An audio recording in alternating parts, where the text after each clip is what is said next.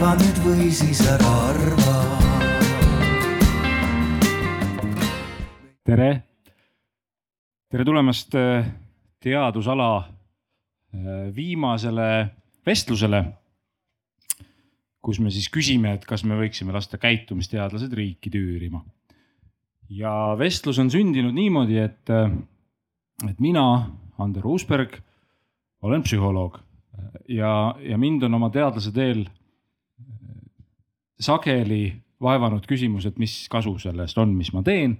ja niimoodi olen ma otsinud võimalusi rakendada psühholoogiat. näiteks olen ma paljude abilistega teinud umbes sellist projekti, kus ühes toidupoes pannakse ostukorvi põhja kavalasti sõnastatud sõnum, mis kõlab umbes niimoodi, et kas rohelist sai piisavalt. ja siis selle poeketiga, kes siis selles näites on Rimi koostöös, me saame analüüsida pärast kassatšekkide andmeid, et kas sellest on kasu inimeste tervise, tervisliku toitumise suurendamisel. ja mulle on tundunud, et, et need on toredad projektid. mulle on tundunud, et, et võib-olla selliste projektide skoop on laiem kui psühholoogia.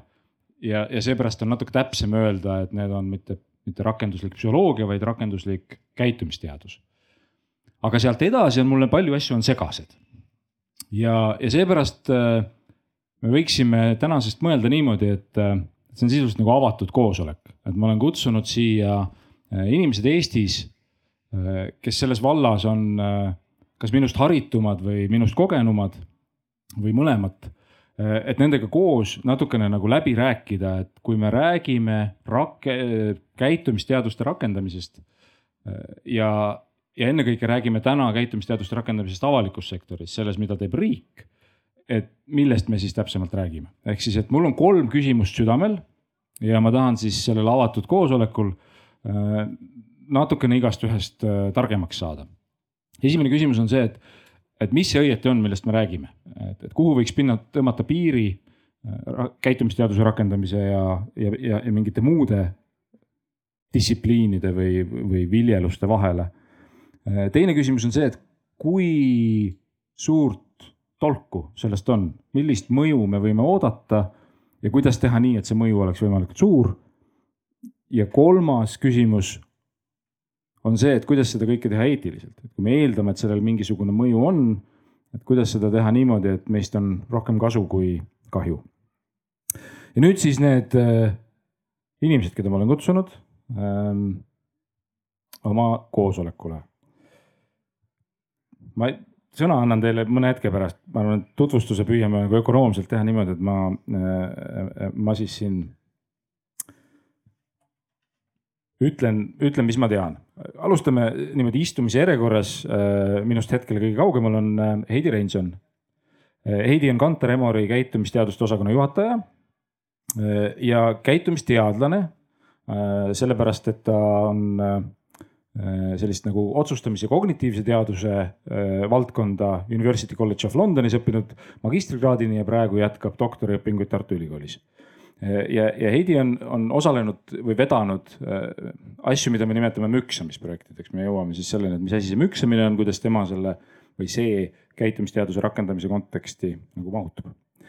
Heidi kõrval ähm, on Ave Habakuk, äh, kes tegutseb äh, avaliku sektori innovatsi-, innovatsioonitiimis.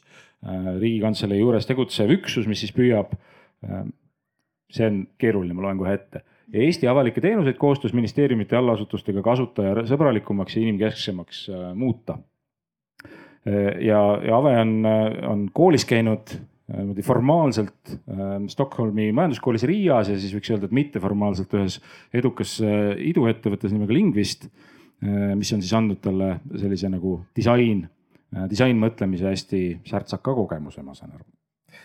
siis on meil äh, Mari-Liis Öören, äh, kes tegutseb äh, Praxises terviseprogrammi juhina ja, ja ka Tartu Ülikoolis äh, külalislektorina ja Mari-Liisil on, on doktorikraad Cambridge'i ülikoolis suisa otseselt nagu käitumisteaduste nagu nimega diplom.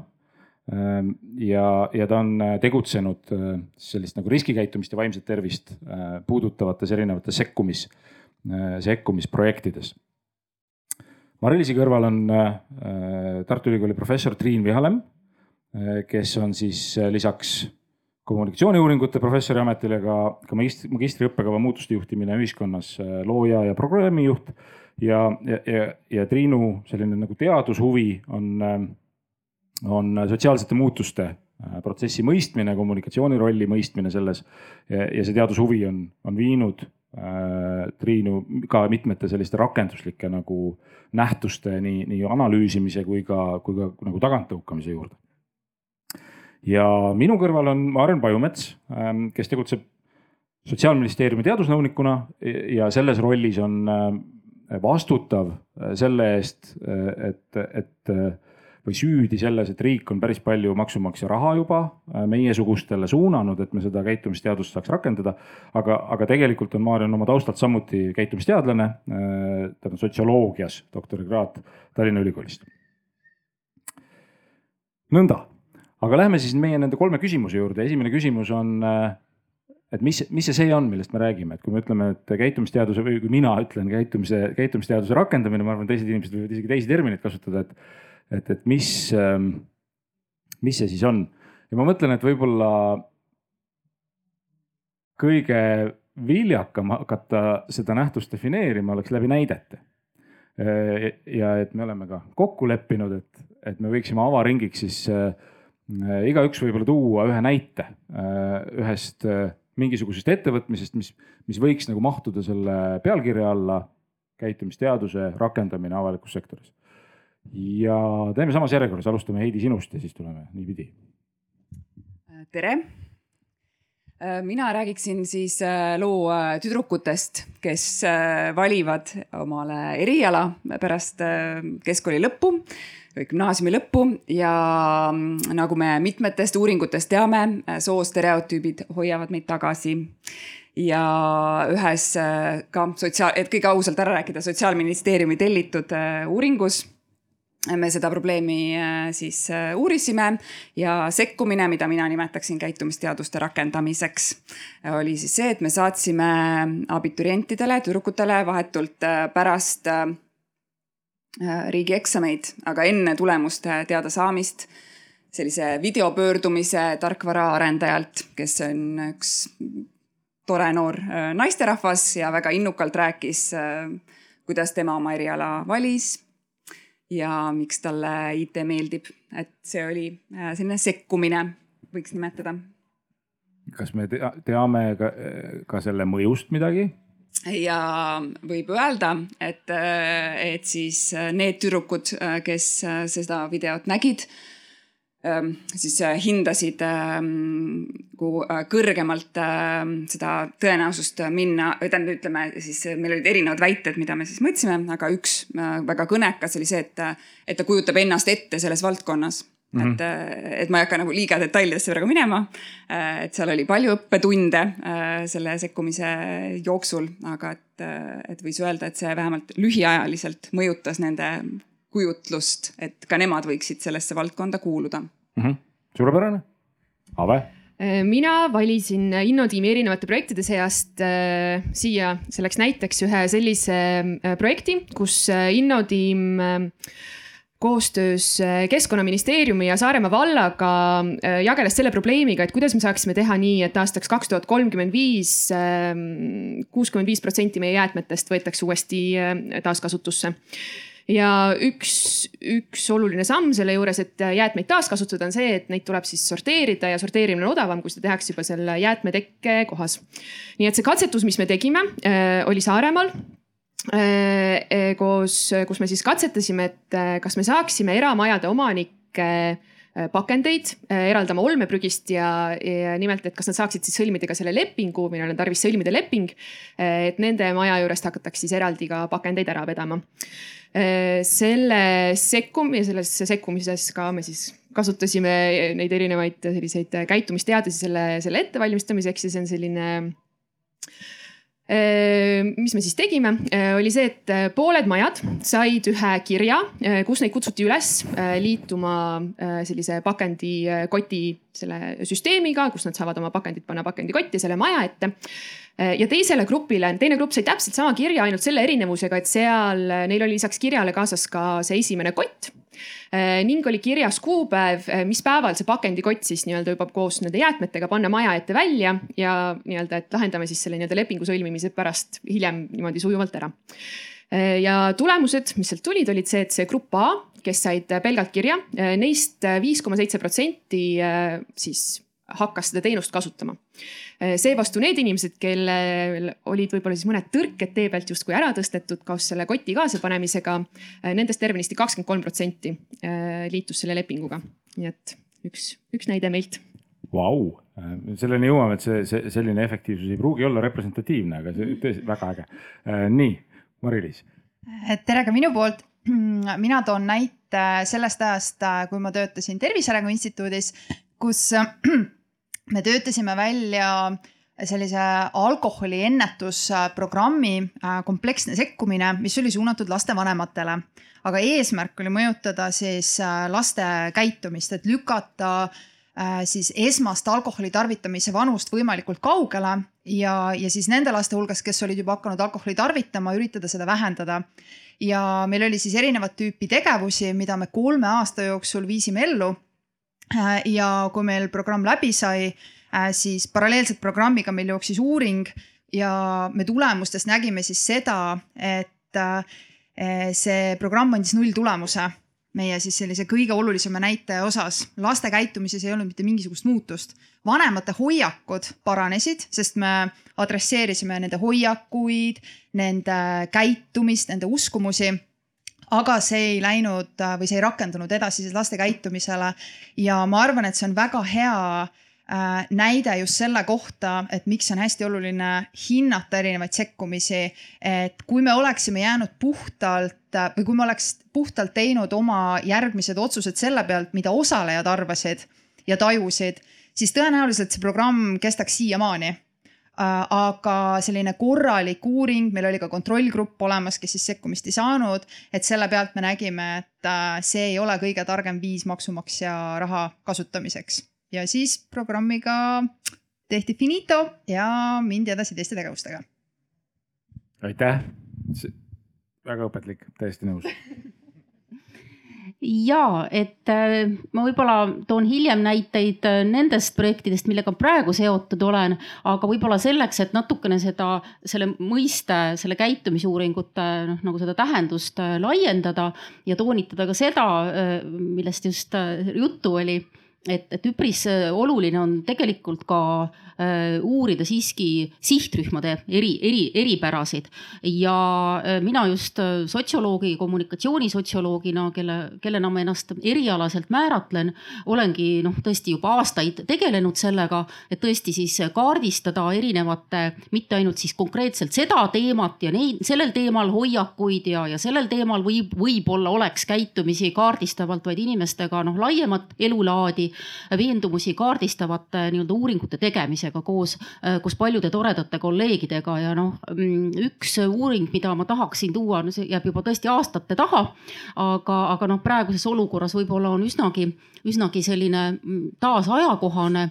oli äh, kunagi, kui me uurisime nii-öelda kriisikommunikatsiooni, tol ajal valitses veel selline paradigma, et on väga suur õnnetus, et inimesed noh, ühesõnaga kommunikatsioonis valitses selline paradigma, et kõik sõnumid tulevad ühest kohast, peavad tulema ja kui nad ei tule ja kuidagi läheb, läheb see noh, nii-öelda sõnum kuidagi ringlema, et siis on see väga paha-paha. aga, aga meie tegime uuringu ja noh, siis hakkas ka tasapisi tulema tulema ka kinnitusi teistest riikidest, et inimestel ongi põhimõtteliselt lähtuvalt siis nendest varasemast elukogemusest ja kõigest muust. me saamegi tegelikult Eesti elanikest rääkida, nad jagunevad laias laastus kolme rühma, ühed, kes tõepoolest on valmis siis eh, ilusasti kuulama kõiki neid õpetusi, ühed, kes tahavad seda kõigepealt arutada, kasvõi ma ei tea, oma vana füüsikaõpetajaga, kui ma ei tea, tegemist on, ma ei tea, näiteks radiatsiooni teemaga, noh, kõige eh, sellised, et kus, kus nad vajavadki natukene, et sellega nagu harjuda asju läbi arutada. ja siis ühed, kes tormavad otsekohe tegutsema, et, et ühesõnaga nad ei jää mitte midagi ära ootama. ja see on ikkagi noh, mingis mõttes nagu natuke isegi loodusteaduslik, et me peame sellega leppima ja siis me arendasime sealt välja, sellest tuli väga rodumisi selliseid ka praktilisi soovitusi, nii hästi kommunikatsiooni poole peale kui ka mitu toredat koostööprojekti näiteks Päästeametiga. sest ka tegelikult need vabatahtlikud päästjad, mis on, kes on nii-öelda koha peal, on, on väga oluline üks ja võimalik sihtrühm, kellega minnakse rääkima, arutama. et sellest sündis nagu päris palju head, aga noh, see näide on just see, et, et mõnikord on vaja ka selliseid baasuuringuid, et kuidas meil üldse tegelikult see elanikkond erinevatesse rühmadesse jaguneb, sest mõnikord võib-olla mõni sekkumine, äh, mis tundub, et ah, et see ei läinud peale, võib-olla oli vale sihtrühm mm. -hmm. väga hea näide, aitäh. Äh, tere, äh, sotsiaalministeeriumi poolt räägin siis mina võib-olla ma ei räägigi konkreetsetest projektidest, ma räägin lihtsalt sellest, et me piloteerime kaks tuhat kakskümmend üks aastal ja äh, tervet äh, sekkumisprogrammi, mis koosneb neljast müksamisprojektist ja need on hästi sellised rakenduslikud. Me tahame oma valitsemisala asutuste teenuseid parandada siis käitumisteadlaste hea nõu abil. Üks projekt on äh, meil selleks ellu kutsutud, et äh, isad võtaksid äh, julgemini lapsehoolduspuhkust riik näeb isadele ette kolmkümmend päeva, isad väga sageli ei võta seda. ja meil on tunnetus, et kui, et me peaksime seda asja kuidagi paremini selgitama, paremini noh jutumärkides müüma, et seda riigi head plaani ka noh isad rak-, võtaksid praktikasse. siis meil on projekt ehm, Eestis on niimoodi, et äh, kui inimene tahab minna varakult äh, pensionile, tal ei ole veel pensioniaeg käes, siis tal on kaks varianti laual. üks on ennetähtaegne pension ja teine on paindlik pension. ennetähtaegse pensioniga on niimoodi, et äh, sellega paralleelselt ei saa töötada aga see pensionisumma, mis saadakse igakuiselt kätte, on natuke suurem kui paindliku pensioniga. ja sotsiaalministeerium leiab jälle, et äh, tegelikult oleks parem, kui enamus inimesi, kes tahavad varakult pensionile jääda, võtaksid selle paindliku pensioni ja samal ajal väikese koormusega töötaks ja siis äh, me jälle pööra, pöördusime käitumisteadlaste poole, et nad aitaks meil mõelda, et kuidas siis äh, mõjutada inimesi, et nad teeksid meie, meie hinnangul seda tarka otsust ja valiksid selle paindliku pensioni, millega koos saab töötada. siis on meil äh, projekt ähm, Tööinspektsiooniga, nendel on selline suur mure, et palju inimesi, ehitajaid jääb vigaseks või hoopiski kaotab oma elu sellepärast, et nad on kõrgustel töötamisel äh, lohakad nad ei kaitse, kasuta õigesti rakmeid, kiivreid, äh, selliseid asju. ja sotsiaalministeerium ja meie allasutus Sotsiaalkindlustusamet või vabandust, Tööinspektsioon soovivad siis nõnda, et, et nad hakkaksid usinemalt neid isikukaitsevahendeid kasutama. see projekt on meil veel poole peal kui need kaks, kaks esimest projekti on läbi ja neljas projekt, mida me selles pilootprogrammis oleme nüüd siis äh, teinud, äh, puudutab äh, inimesi, kellele on määratud pikk töötuskindlustushüvitise saamise periood, kõige pikem periood ja sotsiaalministeerium tahaks toetada neid inimesi nii, et nad juba aegsasti mõne kuu möödudes hakkaks juba vaatama, et kuidas ennast koolitada, kuidas tagasi tööturule minna, kuidas ennast nagu võimestada tööalaselt. mitte ei ootaks viimase hetkeni kodus ja siis avastaks, et nii, nüüd mul sai see töötuskindlustushüvitis läbi, et nad hakkaks vara, varakult tegutsema.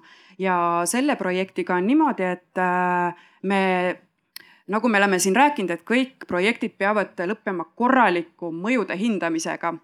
ja selle projektiga on niimoodi, et äh, me ei jõudnudki tegelikult selle sekkumise rakendamiseni, rääkimata siis mõjude hindamisest, et see on ka üks õppetund, äh, mida me saame tegelikult äh, jagada, sellepärast et projekti läbiviija oli Praxis ja meil on siin Praxise esindaja lauas nii et äh, jah, et ma, ma praegu tulemustest ei räägi lihtsalt, et need on need väga-väga rakenduslikud konkreetsed asjad, mida sotsiaalministeerium praegu katsetab, et teada, kas hakkame ka tulevikus müksama.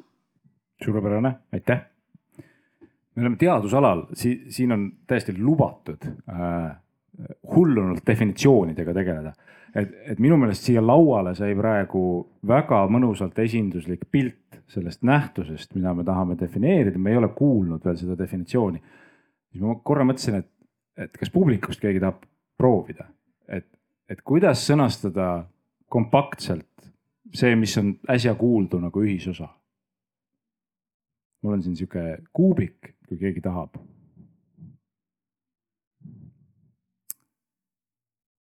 kui ei taha, siis ma pakun ise. aga kuubik jääb alles, et kui tal tekib küsimuse isu või, või, või mingisuguse pakkumise isu, et siis äh, andke sellest märku. Aga et mulle tundub küll, et äh, me võiks nüüd katsetada teiega, et nemad pääsesid lõa otsast, teie mitte nii väga. et, et kuidas me saaks nagu ära määratleda selle asja, millest me räägime niimoodi, et me ei räägiks kõigest, mida avalik sektor teeb, äh, aga et me räägiks kõigest sellest, mis, mis me just siin rääkisime. ja mu nagu algpakkumine, ava, avapakkumine on see, et et vot mul oli see kirjas ka. käitumisteaduste äh, rakendamine avalikus sektoris on erinevate käitumisteaduste, teadmiste ja meetodite kasutamine riigi teenuste ja poliitikate kujundamisel. ja siis ma pakin seda natuke lahti ka, et, et miks ma tahan öelda erinevate käitumisteaduste, ma siin pean silmas seda, et et me lõpetaks omavahelise vägikaikaveo, et see võib olla psühholoogia, see võib olla sotsioloogia, see võib olla antropoloogia, see võib olla majandusteadus. ja veel mingisuguseid asju, mis ma ära unustasin, et meie telk on suhteliselt lai. Et, et kõik sellised distsipliinid, millel on skoobis äh, inimese käitumise seletamine, et, et nende ja nüüd järgmine koht, oluline koht definitsioonis on siis see, et me võtame sealt kahte, kahesuguseid asju, mulle tundub, et, et see on tõsi. et me mõnikord võtame teadmisi ja siin ma pean silmas näiteks teooriaid, näiteks mõisteid, näiteks mingisuguseid mudeleid. Teinekord on vaja, et mingit probleemi paremini mõtestada, et miks inimesed, näiteks võtan sinu näite, et miks inimesed äh, prügi ei sorteeri. et, et siis me võime noh leida näiteks psühholoogiaalasest kirjandusest arusaama, et, et inimeste käitumine sünnib sageli selliste nagu seda käitumist ajendavate sihukeste positiivsete tagajärgede, aga ka vahetute barjääride sihukeses nagu tasakaaluprotsessis ja see viitab sellele, et otsime, et kus need barjäärid on, püüame neid maha võtta, näiteks niimoodi. aga et lisaks me kasutame ka meetodeid, et, et siin Triin, sinu näites oli, eks ole, hästi selgelt see, et see äh, et see kolmene Eesti rahvastiku jaotus, et see ei tule otseselt, eks ole, sotsioloogia teooriast, vaid see tuleneb ikkagi sellest, me oleme rakendanud sotsioloogilist meetodit ja nüüd sealt on ju, oskame küsida, oskame klasteranalüüsi teha ja jõuame selle, selle vastuseni. Ja siis teine oluline meetod, mida siin nüüd mitmel pool oli mainitud, on siis eksperiment, eks ole, et see, et, et see äh, nii Heidi kui Ave näitas tugevalt, et, et on see sekkumine viiakse läbi ühel rühmal äh,, vähemalt ühel rühmal ja seal kõrval on siis üks nagu kontroll, kontrollrühm. Äh, ehk siis, et meil on käitumisteaduste, teadmiste ja meetodite kasutamine, need on nagu milleks ja siin ma oskasin nagu mõelda niimoodi, et on, äh, on siis avalikud teenused ja, ja, ja poliitikad ja selle all ma pean silmas seda, et mõnikord on siis noh, nagu see, kuidas riik asju korraldab, Maarja, sinu näidetes oli, eks ole, seda või võib-olla ei olnud ka, et, et kuida-, ei vist ikka ei olnud et, et kuidas üldse näiteks pensioniraha noh välja jagada, et milline nagu võiks olla pensionisüsteemi korraldus, et seda ma peaks näiteks nagu poliitika kujundamiseks, et kui me seal võtame siis arvesse kas teadmisi või meetodeid. Ja teine on ikkagi noh, nagu riigi poolt pakutavad erinevad teenused, et kuidas prügi ära veetakse, kuidas isapuhkust saab. et selline, mul on nagu selline pakkumine. ja nüüd siis väike kriitiline analüüs, et kuidas tundub, mis viga on, kas, kas me peaks nagu midagi kitsendama, midagi laiendama?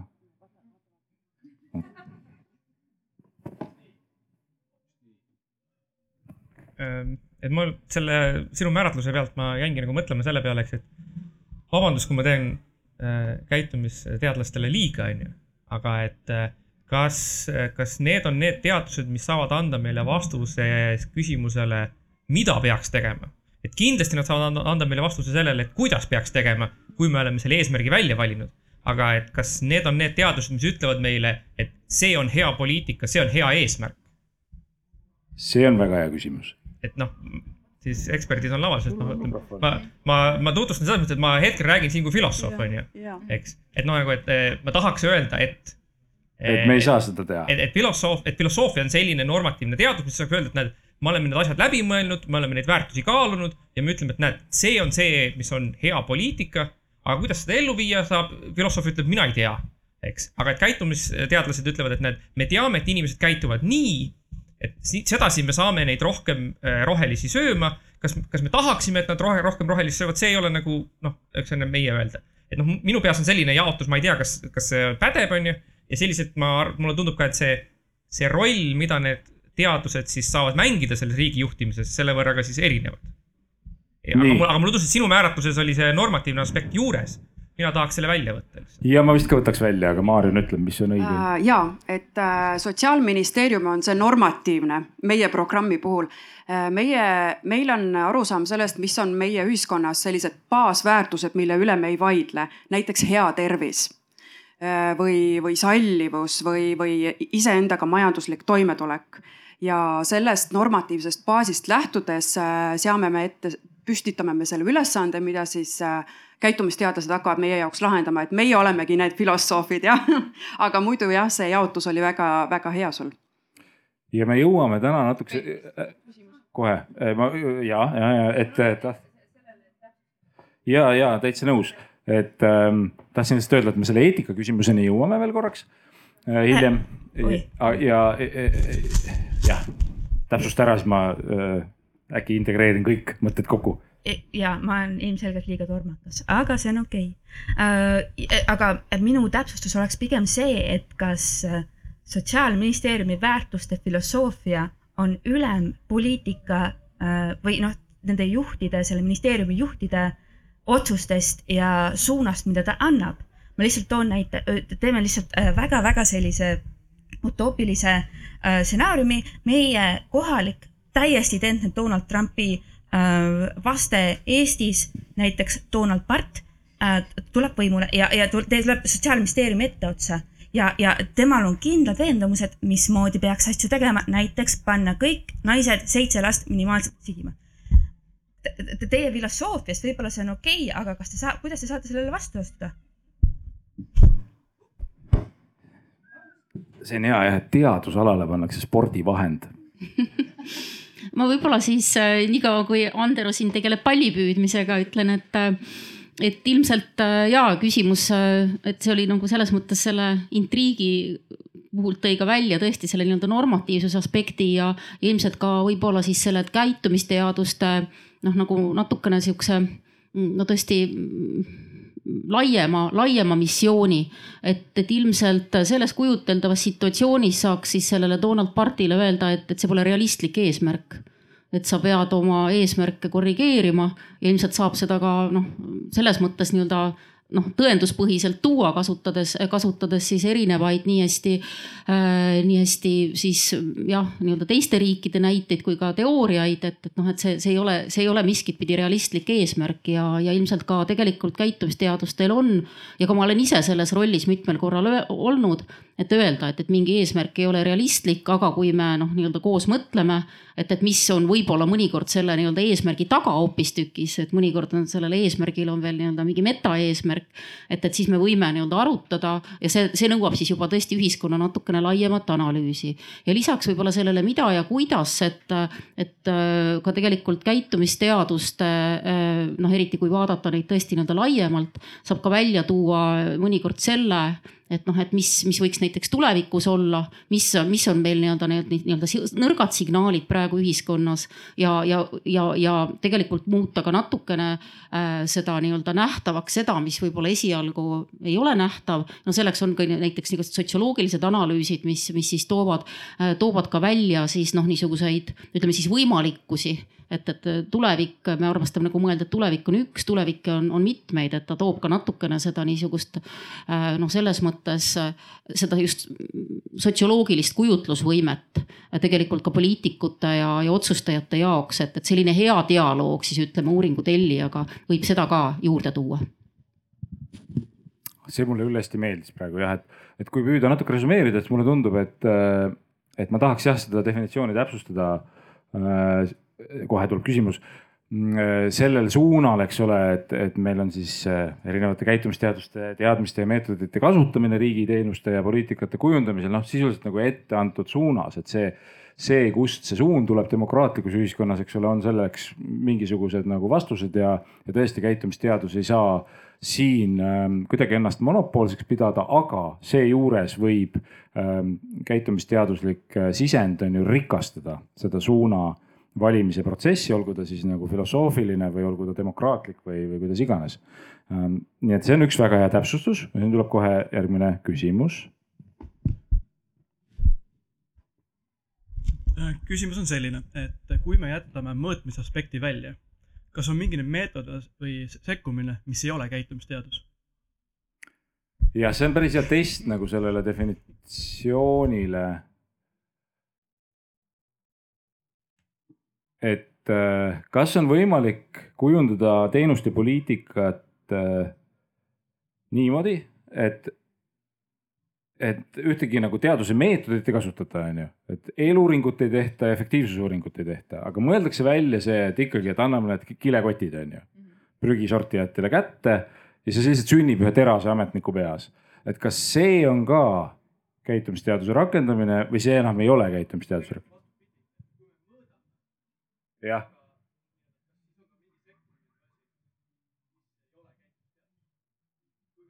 tead, oota, sa ajad veel keeru-, kohe jõuame selleni ka, aga klaarime selle kõigepealt ära, et. et kas, kui keegi tuleb nagu ilma käitumisteaduste teadmisi kasutamata mingi ideeni, et kas me tahame seda ka lugeda käitumisteaduse rakendamiseks või mitte? Mari-Liis, sul oli mõte? ja ma mõtlen, et võib-olla see, selle saab kokku võtta kahe sõnaga halb praktika. et nagu mõõtmine on niivõrd elementaarne osa selle juures, et sul võib olla maailma kõige parem idee, sa võid mõelda väga hea viisi, kuidas ellu viia. aga kui sa ei mõõda sinna juurde, siis lõppude lõpuks ikkagi ei tea ja see on nagu sinu või kellegi teise taju, et, et ma arvan, et see töötas hästi. ja sellega ma olen nõus. ja see on ka noh, ühesõnaga see näitab, et me tahame ilmselt selles definitsioonis seda mõõtmise osa hoida keskselt, aga, aga et see tundub mulle lihtsalt intellektuaalselt intrigeeriv. Eh, sest ütleme intellektuaalselt intrigeeriv ja, ja, ja majanduslikult väga oluline psühholoogia instituudi esindajana. et kui inimene, kes ei ole käitumisteadlane, ta ei ole ridagi seda õppinud, ta ei ole Praxist ja Emorit palganud endale appi, mõtleb välja mingi ägeda asja kas me siis ütleme, et see on ka käitumisteaduse rakendamine või enam ei ütle? võib-olla on mingi rahvateadus või nii-öelda selles mõttes niisugune kogemusepõhine, sest no väga ja. palju reaalseid sekkumisi on selliseid, et noh, et ehku peale minek. Äh, väga palju on ka jäljendavat käitumist, eks ole, et, et kusagil tehti niimoodi, et mina olen seda väga palju kohanud, et inimesed säravisilmi räägivad, et kusagil tehti ja, ja järelikult peab see ka meil töötama ja, ja mõnikord ka võib, võib täiesti õnnestuda ja, ja võib-olla jah, võib-olla mingisugune selline jah, tõesti niisugune parimate praktikate siis kogumine, jäljendamine, eh, ka võib-olla mingisugune selline kogemuste baasilt, noh siis ta peab ikkagi olema juba üpriski kogenud, et, et noh, selle niisuguse nii-öelda ko kogemuse nii-öelda rakendamine, seesama niisugune kõhutunne. ja noh, võib-olla, et ma siis nimetaks seda võib-olla mingisuguseks rahvateaduseks või oh, selliseks piiri, piiripealseks. jah, ma tahaks ka nagu sellist, et minu meelest minu sellest startup'i kogemusest on see, et paljud nagu sellised käitumisteaduslikud, millel on käitumisteaduslik põhi all, need on nagu popp popteadus ja selles mõttes on nagu mingis mõttes nagu elementaarne juba, et jah selge, väga hea, et mulle tundub ka, et kui me tahame ikkagi väita, et see distsipliin, mida me nagu arendame, et see on mingi eriline asi, siis me peame seda nagu välja jätma, et inimesed lihtsalt tulevad nende ideede peale. me ütleme, et kohe, kui sul oli hea idee, et see oli noh, põhimõtteliselt käitumisteaduslik äh, rakendus, et me ikkagi ütleme, et on, on mingisugune teine praktika, mis ei ole rakenduslik käitumisteadus, mis võib vabalt jõuda sarnaste ideedeni, eks ju. aga et millel on nagu sellest koosseisust midagi puudu väga tore, minu arust see definitsioon saab nagu järjest täpsemaks. Äh, natuke aeg surub peale, nii et ma ei hakka, sinu klaarime selle, selle meta asjaga pärast puu taga. et, ähm, et mul on veel nagu mõned küsimused nüüd selle nihukeste alajaotuste osas, et, et mulle tundub, et üks termin Eestis, mis, mis võiks ära defineeritud saada, on müksamine. et kas äh, müksamine on sünonüüm käitumisteaduste rakendamisele või on ta midagi muud? nii, Heidi kohe raputan pead, ei ole sünonüüm.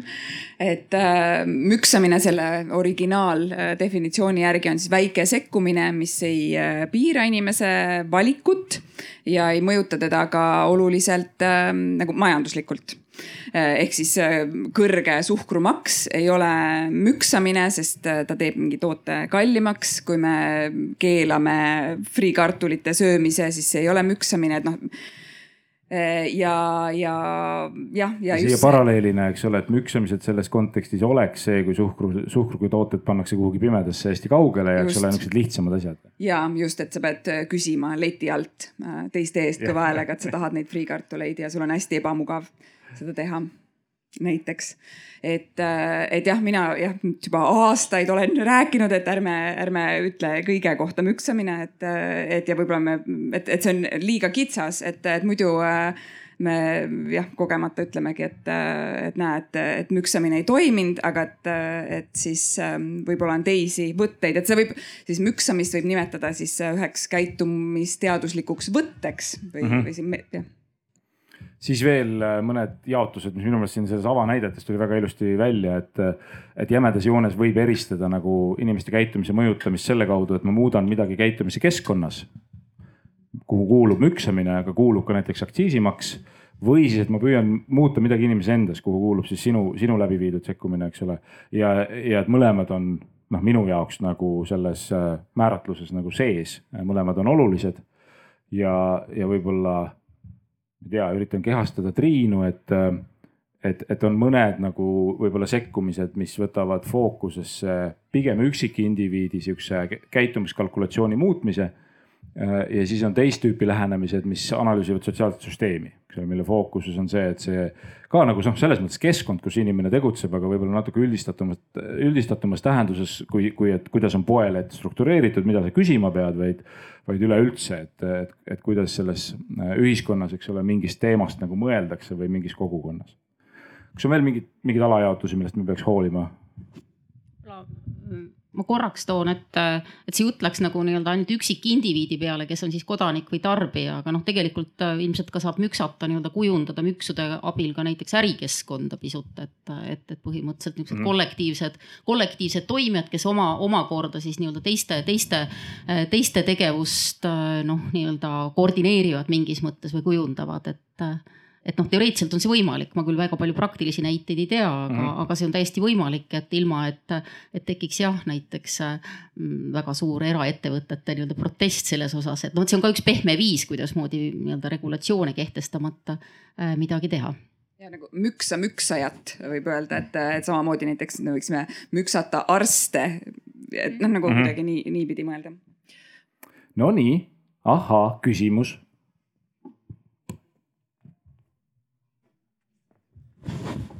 riigijuhtimine on selline praktiline asi, et, äh, et jah, ülikoolis on palju teooriat, aga lõppude lõpuks jõuad kohale, tuleb kriis ja siis on üllatused, on ju. et äh, mind õudselt huvitab, kuna te olete või noh, ma mõndasid teid tean, te olete nii targad inimesed. et eh, tahaks väga teada, et milline võiks olla mõni ühiskondlik või probleem või riiklik poliitika, mida te unistaksite mõjutada käitumisteadustega ja mis te teeksite et äkki mõni konkreetne valdkond või alati mingi, mingi asi on teid häirinud, et õudselt tahaks teada? Ma alustan ja siis äh, teised võtavad üle, et, et äh, meie ministeeriumis oleme unistanud äh, inimesi müksata vaktsineerima nii, nii gripi vastu kui ka Covidi vastu ja kuna meie programmis oli niimoodi, et, et sellel kõikidel nendel projektidel, mida me algatasime, pidi olema omanik meie valitsemisala asutuse, valitsemisala asutus pidi olema see aktiivne ja huvitatud, aga kuna meie asutused olid nii koormatud sellel hetkel, kui meil oli Covid, siis me ei saanud nagu peremeest või omanikku sellele ideele nii et me ei algatanud seda, aga meile tundus küll, et see oleks nüüd midagi, mida oleks väga hea käitumistead-, teadlaste abil teha aga jah, seekord jäi tegemata. kas ma tohiks siia otsa võib-olla selles osas, et, et see, et müksata vaktsineerima, siis äh, kuidagi siin selleks paneeliks ettevalmistuses ma tajusin esmakordselt äh, kuidagi eesti keele seda müksu nagu sellist nagu füüsilist nagu väikest nagu impulssi. et äh, võib-olla üks asi, kuidas me veel innotiimis nendest nagu müksudest tihtipeale mõtleme, et ma vabandan, ma nüüd teen seda inglise keeles, sellepärast et äh, mingisugused äh,, mingisugused mõisted lihtsalt jäävad poole peal nüüd jõudnud eesti keelde kenasti ümber panna, aga on kaks asja, millega me töötame nagu fuel ja friction. et, et müksud võivad olla kas nii-öelda kuidagi nagu tagant tõesti nagu tõukavad, näiteks noh, paned, paned mind näiteks, maksad raha mingisuguse asja, raha ei ole müks, vabandust, aga noh nat, natuke raha, hästi natuke raha, et see nagu ei mõju. või siis, et friction ehk siis, et, et mis nagu takistused on inimesel tee peal ees selleks, et ta midagi teha saaks. et äh, meie innotiimiga ja ka Anderaga koos natukene siis ka seda vaktsineerimise müksamist äh, selle kallal ka nagu tegutsesime, aga seal just oli pigem see, et kus me läksime siis uurima, et mis nagu nende vaktsineerimata inimeste igapäevaelu kontekst on, hoiakud on, hirmud on, häbitunne on.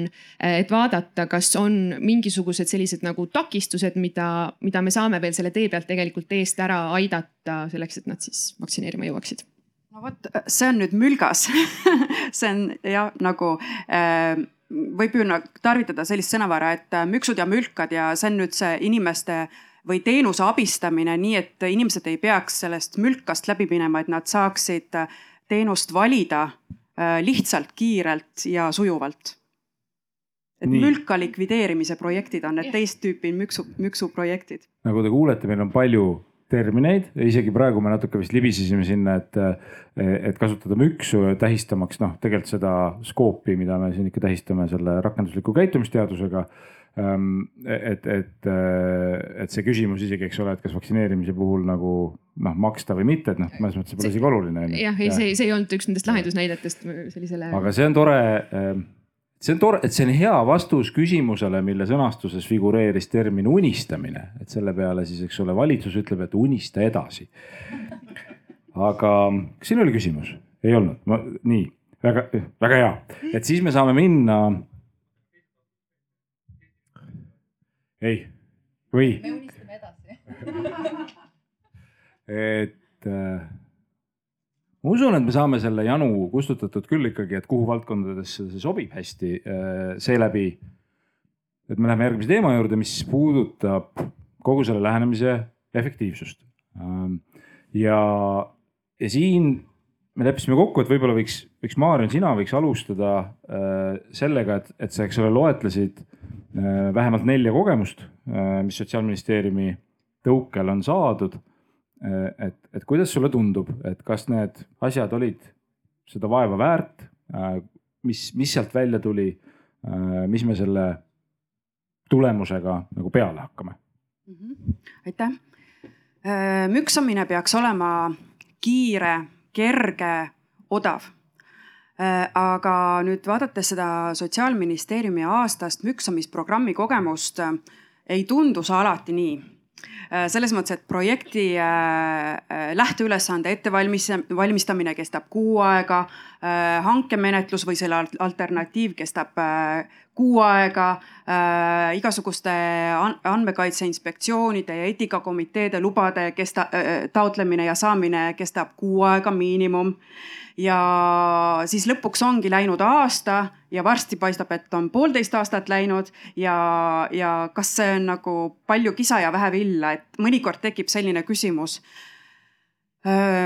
ja mõnikord projektid isegi ei lähe selle sekkumise endani, et lõpevad enne ära, et, et see kogemuste pagas isegi nii väheste kogemustega, kui meil praeguseks on, on väga-väga kirju, et mõnikord küll tekib tunne, et, et kus see efektiivsus on, see peaks olema ju odav ja kiire ma ütlen vahele, et müksamine on odav ja kiire, aga mõõtmine võib olenevalt selle ülesande püstitusest ollagi täpselt nii, nagu sa kirjeldad, eks ole, eriti kui, kui sellel on nagu see õiguslik raamistus ümber, et, et sul on vaja eetikakomitee luba, siis see, see nagu sisuliselt ju ei ole selle müksu osa, eks ju, et kui sa tahad saata kirja kellelegi ja riik saadab kirja, mis soovitaks sul süüa vähem suhkrut et siis, et see on tegelikult lihtne, aga kõik see, mis sinna ümber tekitatakse, et see nagu justkui on ähm, midagi muud või? nii et miks te, miks te tellisite uuringu osa ka?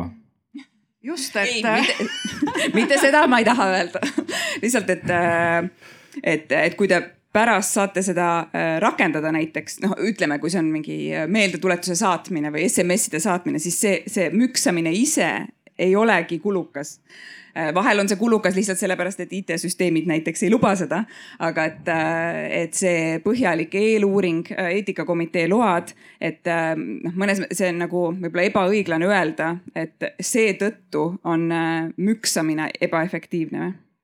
Aga vot see on, see on see raske probleem, et me tahame teadmistepõhist sekkumist, mitte sellist laest võetud rahva, rahvaalgatuslikku, on ju aga just, et, et kui siis pärast äh, seda rakendatakse, seda teadmist, siis see ongi odav.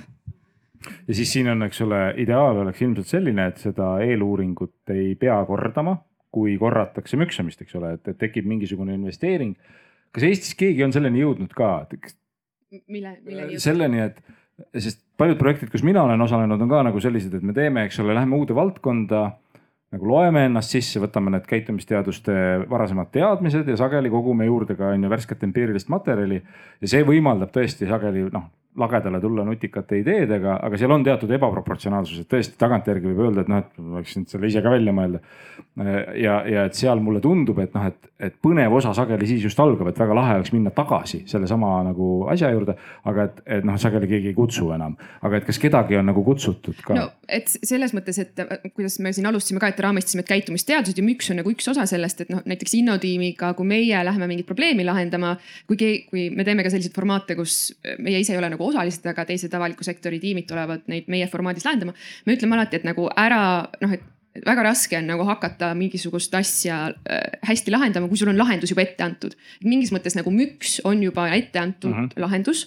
Äh, et kuidas meie, näiteks meie oleme oma töös sellesama protsessi efektiivseks muutnud, ongi see, et noh, me teeme ka ju samamoodi need äh, eeluuringud, loeme ennast teemasse sisse, käime ise ja saadame ametnikud välitöödele, teeme vaatlusi ja kogu see värk ja noh, siis me jõuame sellesse lahenduste genereerimise otsa, kus alati me nii-öelda innustame inimesi vaatama neid nii-öelda müksulahendusi, aga see lahendus, lahenduste ampluaa, mis sellele samale uurimusele põhineb, äh, on laiem, et seesama näide, mis ma praegust või alguses tõin sellest äh, prügi sorteerimisest, et äh, see oli ainult üks lahendus, mis sellest nagu uurimusest välja mhm. kasvas. ja teised, aga, aga kas teisi ka keegi kasutab?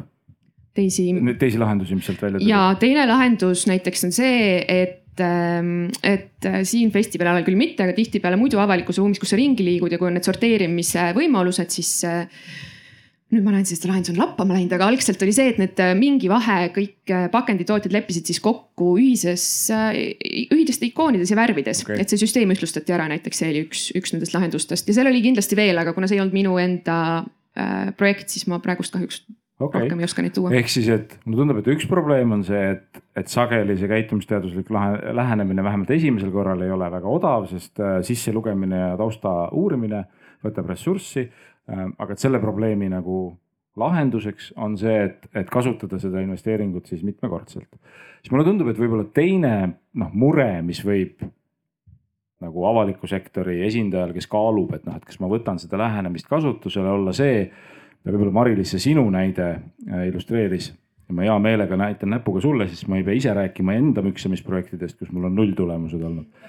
et, et see, kui me teeme kõik selle asja ära, eks ole, tuleme, räägime värvikalt, kui see äge, kui äge see on ja siis me näeme, et see asi ei töötanud, mis me leidsime.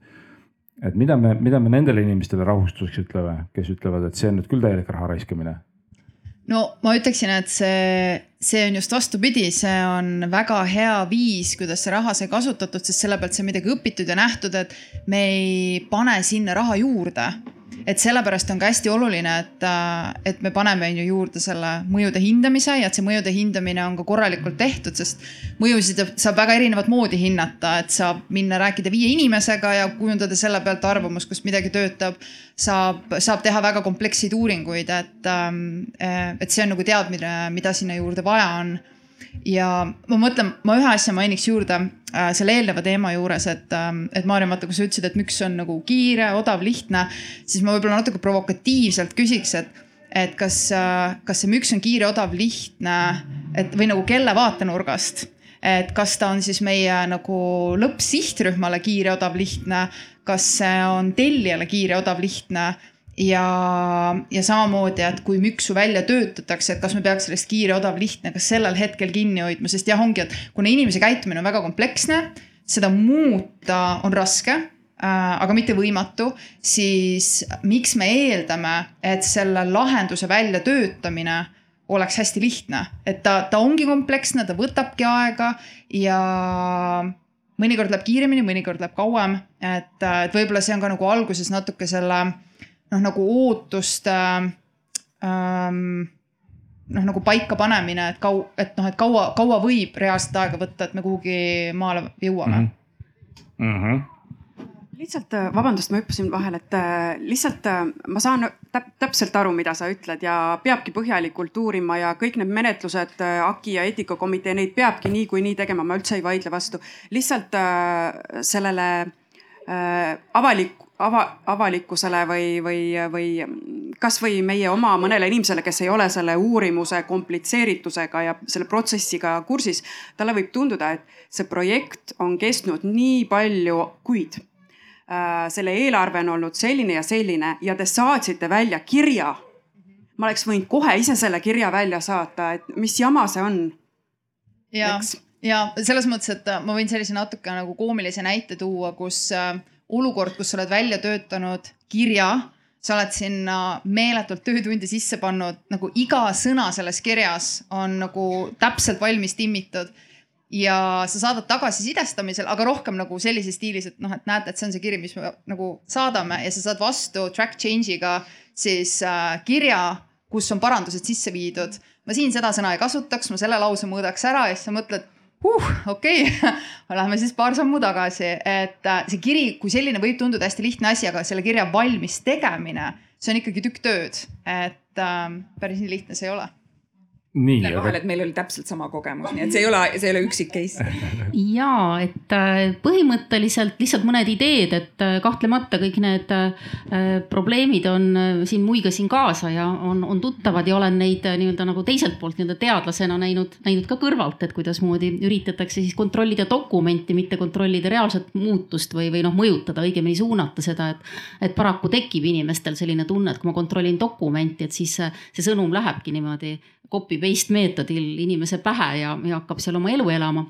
aga mõned ideed siiski, et ilmselt need, millest siin praegu räägiti nii kurval häälel, et on ka sellised nii-öelda kasvuraskuste äh, nii-öelda probleemid ja, ja paraku äh, on minu äh, üpriski rikkalikus kogemuste pagasis ikkagi ka istub see teadmine, et, et meie riigiasutused teevad omavahel üsna vähe koostööd, igaüks istub oma uuringu hunniku otsas, väga palju infot ei vahetata.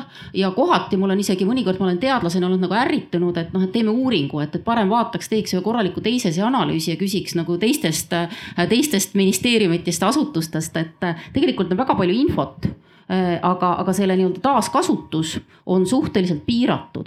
Ja, ja tegelikult on ka võimalik ikkagi nutikalt kombineerida seda, et Äh, me võib-olla ei pruugigi mõõta noh, nii täiuslikult, vaid me mõõdamegi, seda nimetatakse, see on natuke niisugune spekulatiivne vahend, aga kvalitatiivuuringutes sotsioloogias on kriitiliste juhtumite valim. ehk ma ei küsi nagu kõiki ma küsingi seda kõige kriitilisemat sihtrühma. näiteks äh, mina olen seotud konsultandina siis liikuma kutsuvate koolide võrgustikuga ja, ja meie just jälgime oma mõjusid mitte sellega, nende, nende laste sihtrühmaga, mm, kes on siis nii-öelda kõige liikuvamad ja nagunii toredad ja aktiivsed, vaid just nendega, kes, kellel kellel on kodus kehvad tingimused eh, noh, nii-öelda liikumiseks ja kes ka noh, väidavad, et nad palju ei liigu ja jälgime just seda ja seal nii-öelda tõesti ütleme, et noh, see toob tegelikult seda kvalitatiivset muutust äh, siis näiteks rahva tervisesse.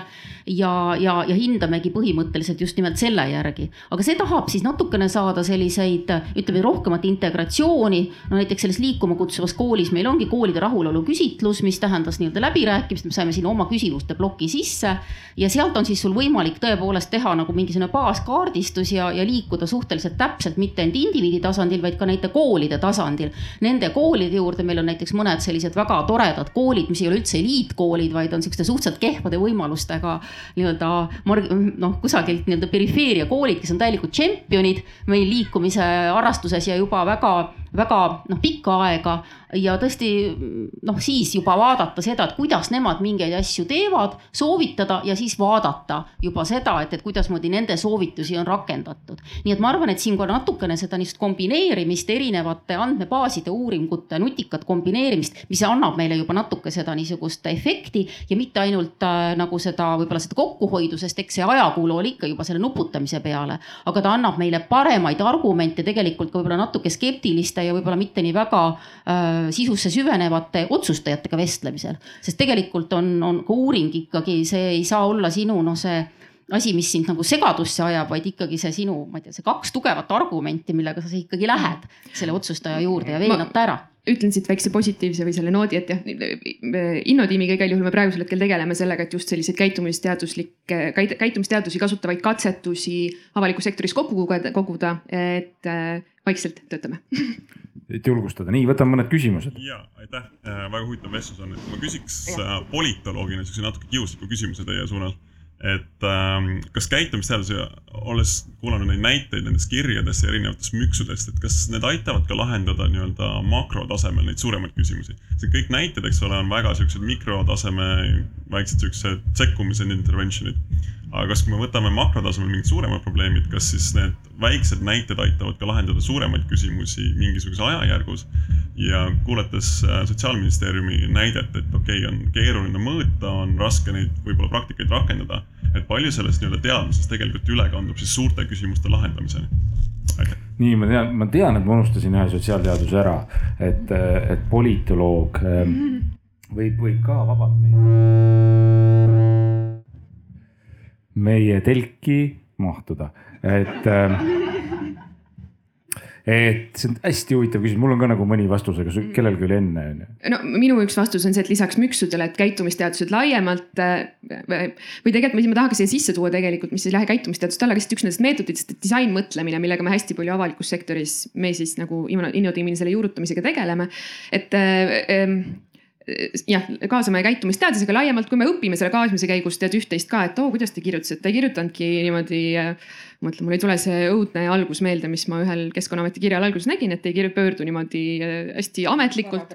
jah, et äh, menetlus alustatud, vaid on noh, et tead, et tere, Andero, et muideks, et saime su kirja kätte ja et, et lihtsalt need sellised nagu praktikad, suhtumised, nagu ma ütlesin, et noh, et minu kogemus erasektorist või idufirmadest on see, et käitumisteadused tegelikult ongi nagu hästi tavapärased praktikad et äh, võib-olla nii-öelda selliste mingisuguste nagu makroteemade sisse tulevad sellised.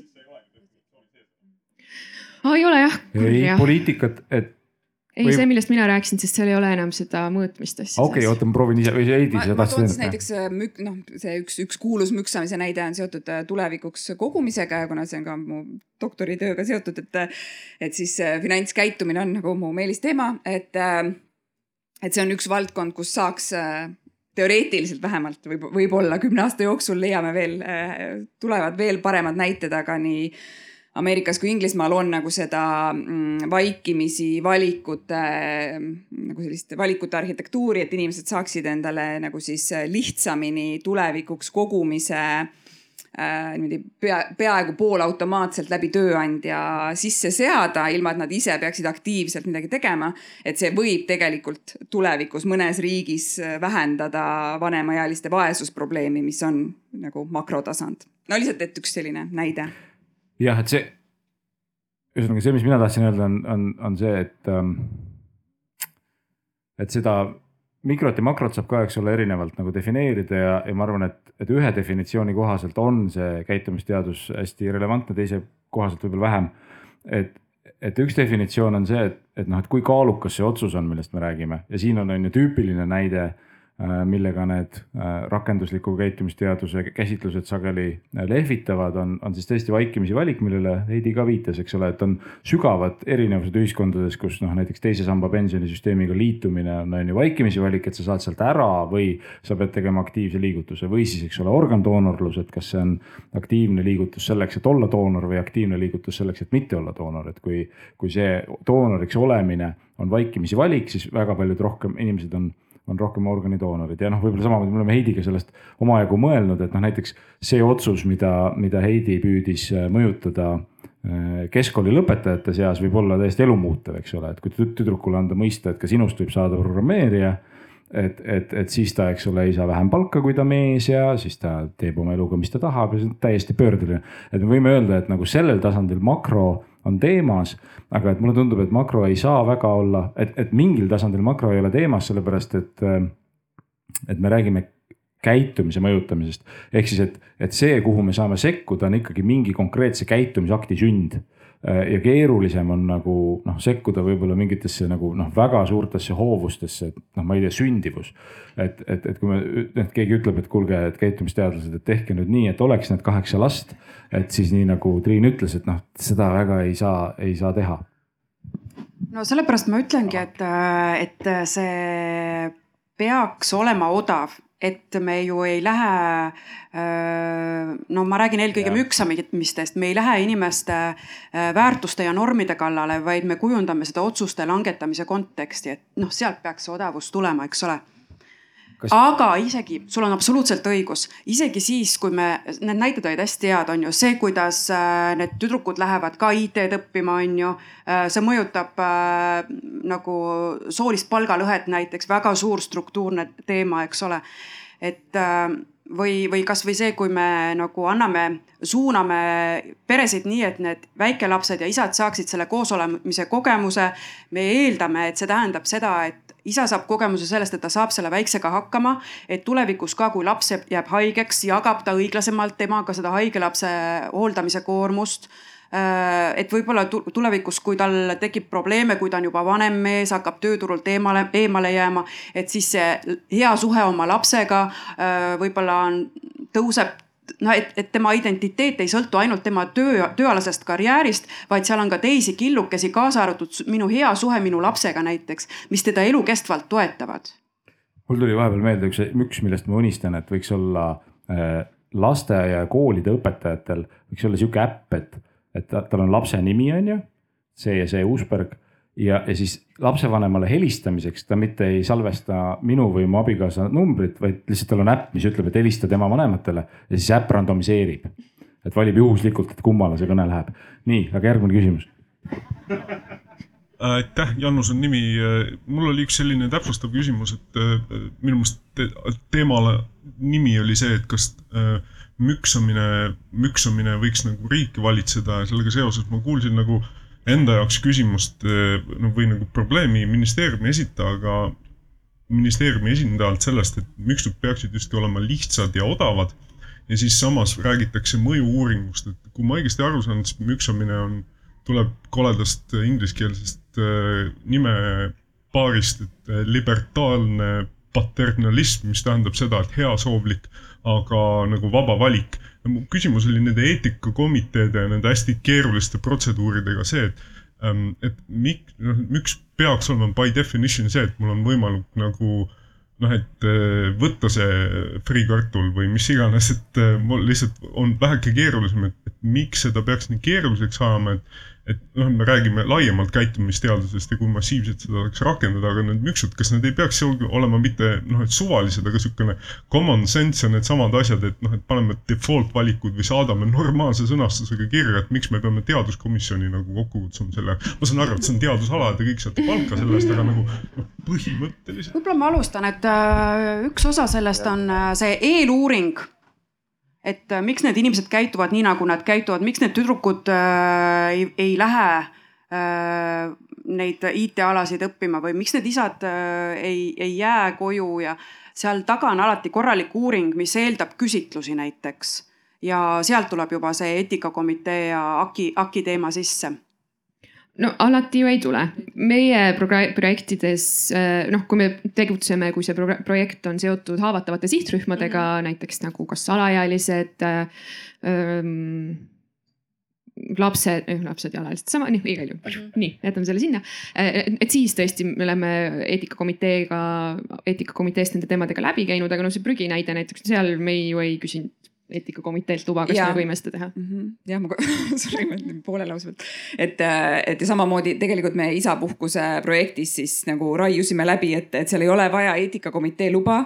kui Sotsiaalkindlustusamet saadab oma kontaktidele kirja, et see on nii nagu noh ma arvan ka, et me peaks erasektorilt nagu nii palju õppima, et, et erasektoris sellised AB testid, et lihtsalt saadetakse, ma ka kogemata olin, olen IKEA andmebaasis nagu kahe emailiga ja ma saan iga kord kaks erineva pealkirjaga kirja ja ma tean, et nad kontrollivad siis, et ahah, et näe, see linnadžungel su kodus oli, vaat see avas selle kirja, et tegelikult see, ma olen täiesti nõus, et see ei vaja eetikakomitee luba, kuigi võib-olla kui keegi hakkab näpuga järge pidama, et oi, et. isikuandmete kaitse oleks... seadusest, kui hakata, siis on jah, ministeeriumitele see topeltmenetluse kohustus mm. -hmm. nii on, nii, nii see AKI menetlus kui ka eetikakomitee menetlus.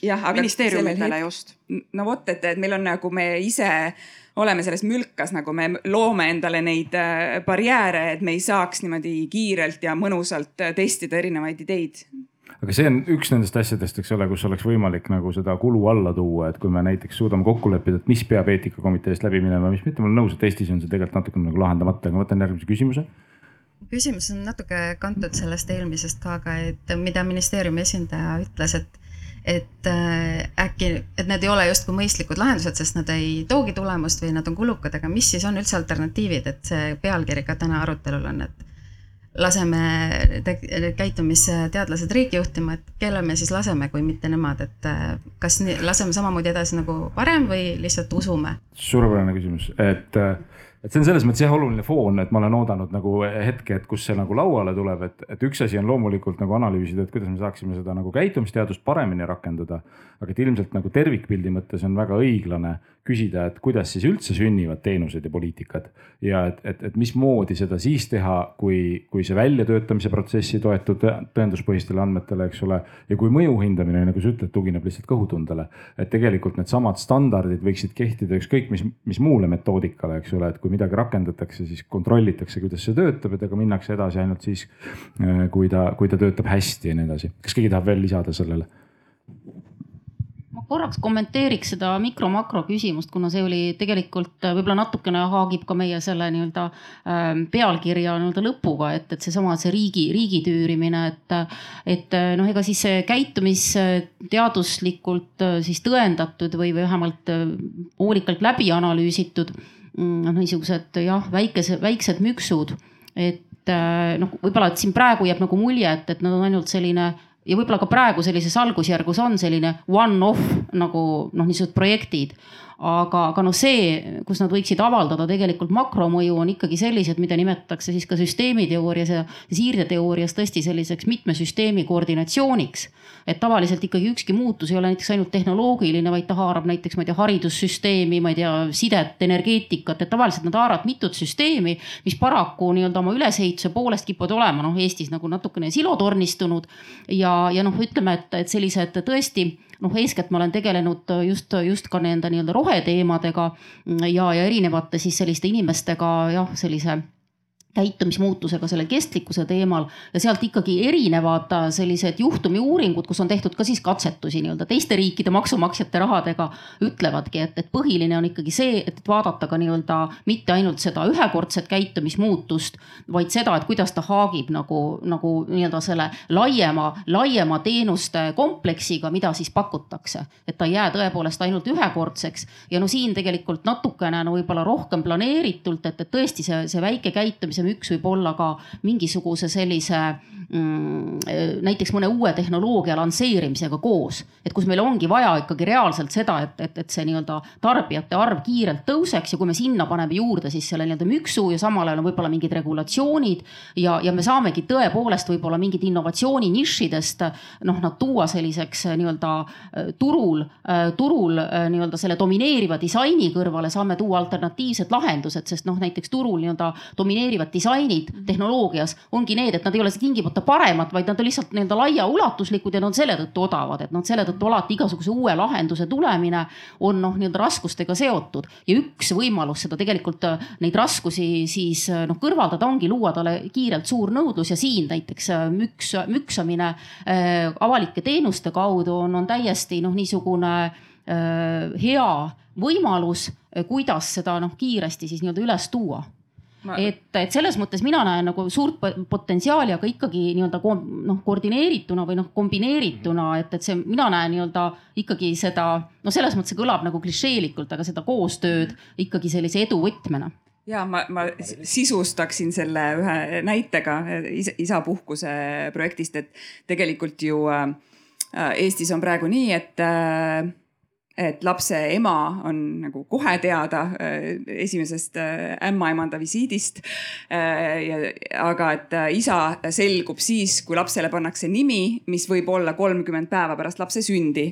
Et siis ja see isapuhkus ideaalis võiks leida aset selle sünnituse ajal ja selle järgselt kohe, võib ka hiljem, aga miks mitte siis või, või ka enne just, et, et ja võtma peaks enne, et siis seal ei olegi nagu tehnoloogiliselt nagu ja juriidiliselt võimalik seda isa müksata, sest teda ei ole olemas, et lapsel ei ole isa, enne kui tal ei ole nime.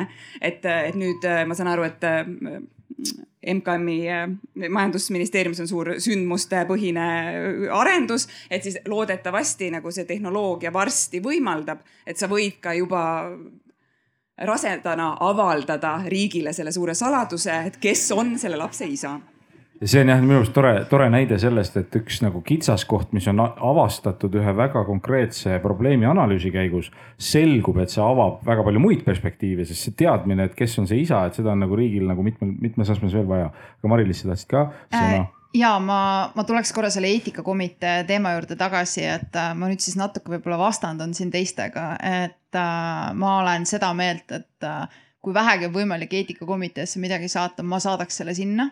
ja võib-olla see põhjus on nagu seal taga, et, et ütleme, et nagu see ja ma, ma ei mõtle siin konkreetseid näiteid, vaid üleüldiselt, et lahendused, mis välja töötatakse, nende kvaliteet saab varieeruda päris suuresti ja ma leian, et see on ka üks koht, kus eetikakomitee saab oma professionaalse pilguga üle vaadata, et kas see, see, mis te olete välja töötanud, see, mida te plaanite teha, näiteks mõjude hindamisel, et kas, kas see on kõik korrektne ja kas see on eetiline üldse minna oma sihtrühma juurde, et nagu selles mõttes nagu nende aega raiskama. ja, ja me ei saa loomulikult ka ära unustada seda, et, et ükstapuha, kui äh, nagu parimate kavatsustega me midagi välja töötame, on olemas see oht, et A asi ei tööta, B asi on kahjulik ja eetikakomitee saab olla see esimene siis nagu neutraalne nagu vahepunkt, kus vaadatakse üle, antakse oma hinnang, kas sellel on päriselt oht olemas, et see võib kellelegi kahju teha mm. -hmm. ja võib-olla jah, oleks, on ju siin koht mõelda, et, et et milline eetikakomitee see on, on ju, et praegu me käime on ju ülikooli eetikakomitees või Tai omas, aga et võib-olla see võiks täitsa eraldi olla, aga siin on üks küsimus veel. Imre Treufeld siin äh,. tere, Heidi. tere äh,. ma märkasin ja see läheb kokku selle filosoofia küsimusega, et äh,, et kuidas otsustada, mida tegelikult teha või mida teha, eks ole. et mida peaks eetikakomitee lubama, mida mitte lubama. mis on see kriteerium lõppkokkuvõttes ja ma olen ise mõelnud selle peale, et tegelikult äh, kõige tähtsam on, äh, et see otsus, mida me teeme, äh, suurendaks inimeste heaolu mm. -hmm. ja siis heaolu all ma mõtlen seda, et noh, kõik inimesed kogu maailmas, mitte ainult siin Eestis, eks ole, nii et ja samuti mitte ainult meie praegune põlvkond, vaid ka kõik tulevased põlvkonnad, sest peab arvestama keskkonnamõjude ja kõige muuga. ja seoses sellega näiteks see nügimise hind noh, peab mõtlema, et kas, äh, et võib-olla, et see nügimine on seda väärt mõnikord isegi siis, kui ta on kallis, sellepärast et tulemused on veel paremad, eks ole. tulemustest nagu see, see, mis me saame tagasi, on veel, veel kasulikum kui see nügimise hind ise. see on suurepärane nagu sissejuhatus viimase teema juurde minekuks, mis siis ongi see, see eetika küsimus.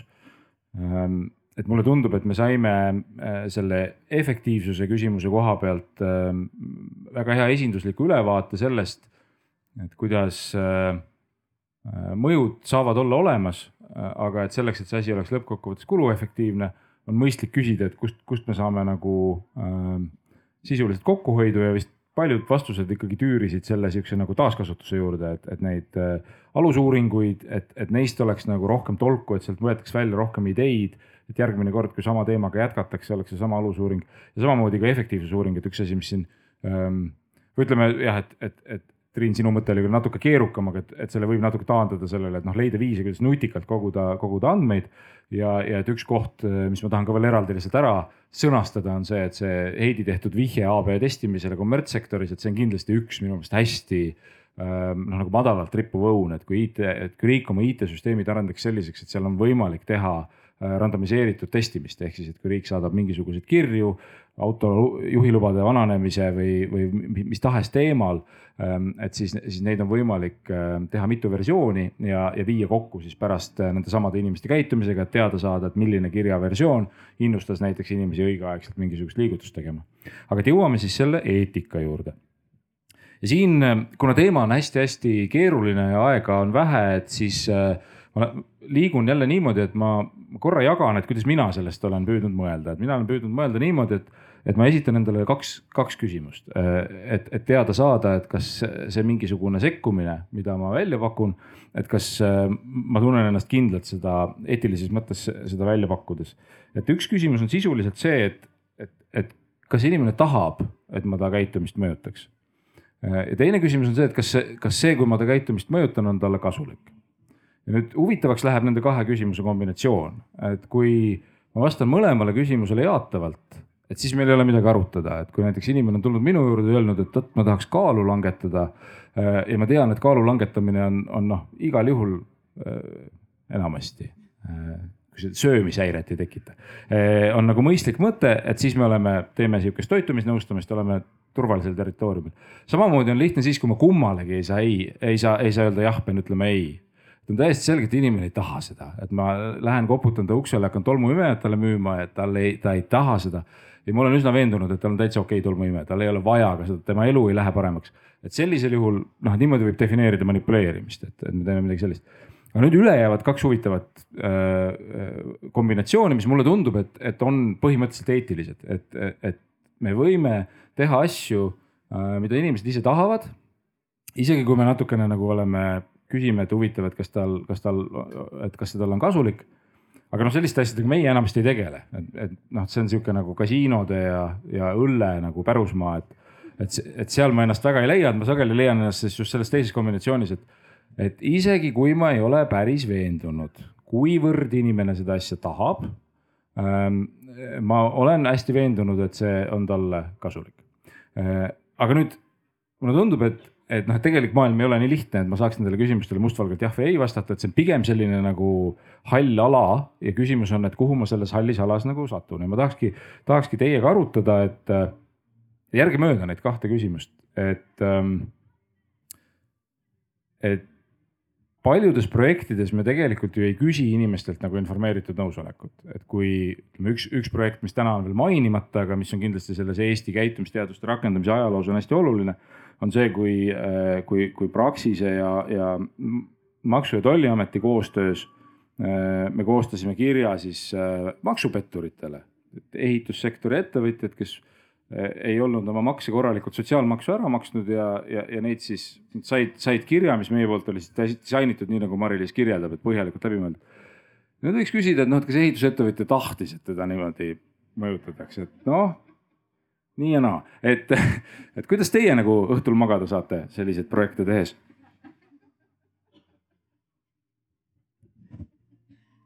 no ma mõtlen selle EMTA projekti peale, siis päris hästi saan magada um,. no vaata, siin tulebki, ma arvan, sisse uh, see, et mis on uh, mis on nagu selline tõenduspõhine normatiiv, mis meil on ühiskonnas kokku lepitud et äh, maksupettus ei ole okei okay.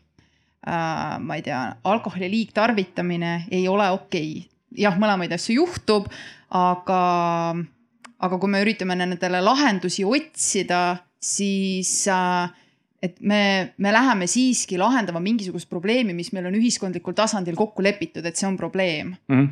nii et siin, siin sa ikkagi kasutad seda kriteeriumit, et, et see on nagu kasulik ja pole isegi väga oluline, et, et kuivõrd inimene seda nagu tahab. Ja, ja mulle tundub ka, et see, see on nagu kindlasti see käik, mida ma oma peas teen. aga vist isegi enne selle juurde minekut, et, et mulle tundub, et tasuks läbi sõnastada see, et, et need asjad, mis me teeme, et neist peaks olema suht lihtne nagu loobuda. et ütleme, et kui, kui see, kui see inimene saab selle kirja et siis ta noh, võib seda mitte lugeda või ta võib selle kiiresti ära, ära kustutada, et see on teine, et see on teine asi, mis lubab minul nagu öösel öösel magada, et, et isegi kui ma ei võta nagu aktiivset nõusolekut, et siis need asjad, mis me teeme, on, on väga hõlpsalt nagu välditavad. No ma mõtlen veel see kurikuulus äh, Innotiimi äh, tehtud see rahunemispeatuse näide kus, millest siis seisnes selles, et kiiruseületajatele pakuti või jah, just selles nagu siis see nagu seesama, et miks sa öösiti magad või et kuidas see on lihtsasti välditav, et kiiruseületajatele pakuti võimalust või küsiti, et kas te tahate rahatrahvi või te olete valmis siin nelikümmend minutit rahunema mm. -hmm. et jah see on ka muidu selline, kus võiks. et see on muidu selline on ju, mida ikkagi Eesti õigusringkonnad peavad sügavalt illegaalseks. ei, otse neid, need on ikkagist seisukohti on. on mitmesuguseid aga samas me oleme kokku leppinud ühiskonnas, et kiiruse ületamine ei ole okei okay.. seda ja, ja ei, see on väga-väga äge äh,, väga-väga äge katse ja tõesti minu meelest jah, seal ka see eetiline nagu kalkulatsioon on, on nagu ära päris hästi ära lahendatud. aga see oli ka väga põhjalikult ikkagist ka eetiliselt läbi kaalutud ja juriidiliselt läbi kaalutud, et see tõesti see nagu see, see, see ei läinud noh, et müks ja küll nagu äh, kiire, odav, aga see ei olnud kergekäeliselt sellesse sisse ikkagist ja. Äh, mindud et siin äh, võib-olla huvitavamaks lähebki selliste projektide puhul, kus see kasulikkus indiviidi tasandil ei ole nii ilmselge, nagu näiteks needsamad soostereotüübi projektid ja erialavalik. et me ei saa indiviidi tasandil öelda, et et kõik tüdrukud või enamik tüdrukuid või just see tüdruk peaks minema IT-sse, et seal lihtsalt, seal ei, seal ei ole sellist nagu õiget vastust mm. -hmm. ja et, et kuidas meie magada saame öösel, kui me oleme niimoodi manipuleerinud äh, tüdrukuid mõtlema IT peale, on see, et tegelikult, mida ka see eeluuring väga tugevasti näitas, et, et neid takistusi on lihtsalt nii palju ja neid nagu neid vastasmõjusid, kui näiteks ma ei tea, iga nädal matemaatikaõpetaja ütleb, et tüdrukud ei oskagi arvutada mm, -hmm. siis see, kui me saadame nagu mingi innustava video, siis see noh, selles mõttes see nagunii ei suuda tasalülitada kõike seda muud. et siis äh, nagu vahel siis kui me mõtleme, et need sellised müksud on ikkagi noh, suures plaanis väikese mõjuga, kui nad on sellised meeldetuletava sisuga. et siis, äh, siis jah, tasub hoida meeles nagu seda kõike seda muud, mis on nende müksude kõrval mm. -hmm ja siin sa sujuvalt tulid nagu selle teise kriteeriumi juurde, et see, et me ikkagi oma peas on ju, anname hinnangu. ei tea, kas sa tulid ka, see oli tegelikult ikka ka veel see, et äh, et ma... et see jah, jah, jah, aita mind. et ma nüüd, äh, kui ma juba rääkisin nendest vastasmõjudest, siis äh, et kui me tuleme korraks sellest teadustelgist välja ja mõtleme, et tegelikult äh, inimesi ei mõjuta mitte ainult sotsiaalministeerium, vaid on ka teisi pahalasi. natuke et, suurema eelarvega. ja just, et siis ma siis räägin, et, et ma, ma karjääri alustasin Coca-Colast, ma loodan, et ei, ei, ei viska nüüd mind tomatitega. et, et siis äh, nüüd viimased aastaid äh, olen pühendunud ainult äh, avaliku sektori teenindamisele äh,. aga siis vahel mulle lihtsalt äh, tunduvad mõned need eetilised mõttekohad absurdsena, sest lihtsalt nagu Äh, ma ei tea, võib-olla nüüd meediaplaan on muutunud, aga vanasti oli nii, et Coca-Cola pidi iga nädal eetris olema, see oligi, see oli, plaan oli see, et iga nädal, viiskümmend kaks nädalat. et siis äh, keegi ei küsi nagu eetikakomitee luba, et oota, et, et kas see reklaam mõjutab inimeste käitumist, sest kõik teavad, et see mõjutab. et siis see lihtsalt nagu, kui seda vaadata tervikuna, siis selle indiviidi vaates, siis see tundub absurdne. et meie küsime praegu näiteks just parasjagu äh, eetikakomitee luba, et me tohiks uurida, et mis ikka seda meeste tervist mõjutab, et kas nad võib-olla söövad liiga palju suhkrut. et siis see noh, kui neid kahte kõrvutada, siis see võtab nagu sellise absurdi mõõtme. -hmm. nii, küsimused? see on, jaa. ma küsiks äh, siia lõpetuseks võib-olla ühe teistsuguse küsimuse, et, et siin on äh, noh, me oleme rääkinud sellest eetika eetikakomisjonidest ja kuidas nendele uuringutele siis nii-öelda luba saada, et neid läbi viia. aga samas me oleme ka tõdenud, et mingil määral on käitumisteadus ka niisugune rahvatarkus või rahvateadus, et siin oli Coca-Cola näide, eks ole, noh, ma, ma eeldan, et käitumisteaduse ja turundamise vahel, hea turundamise vahel ja mingi strateegilise kommunikatsiooni vahel tegelikult väga suurt vahet ei ole, et AB testid, eks ole, kõik, kes teevad Facebookis reklaame, saavad ise AB testi endale päeva lõpuks teha et sellest tulenevalt, et noh, käitumis, defineerides oli ka, et käitumisteaduse, et käitumisteaduse, käitumisteaduse metoodikate kasutamine erinevates asjades ja nende mõõdestamine. et kui me nüüd siit edasi mõtleme tuleviku poole ja selle, selle paneeli küsimuse juurde, et mis on käitumisteaduse tulevik riigisektoris.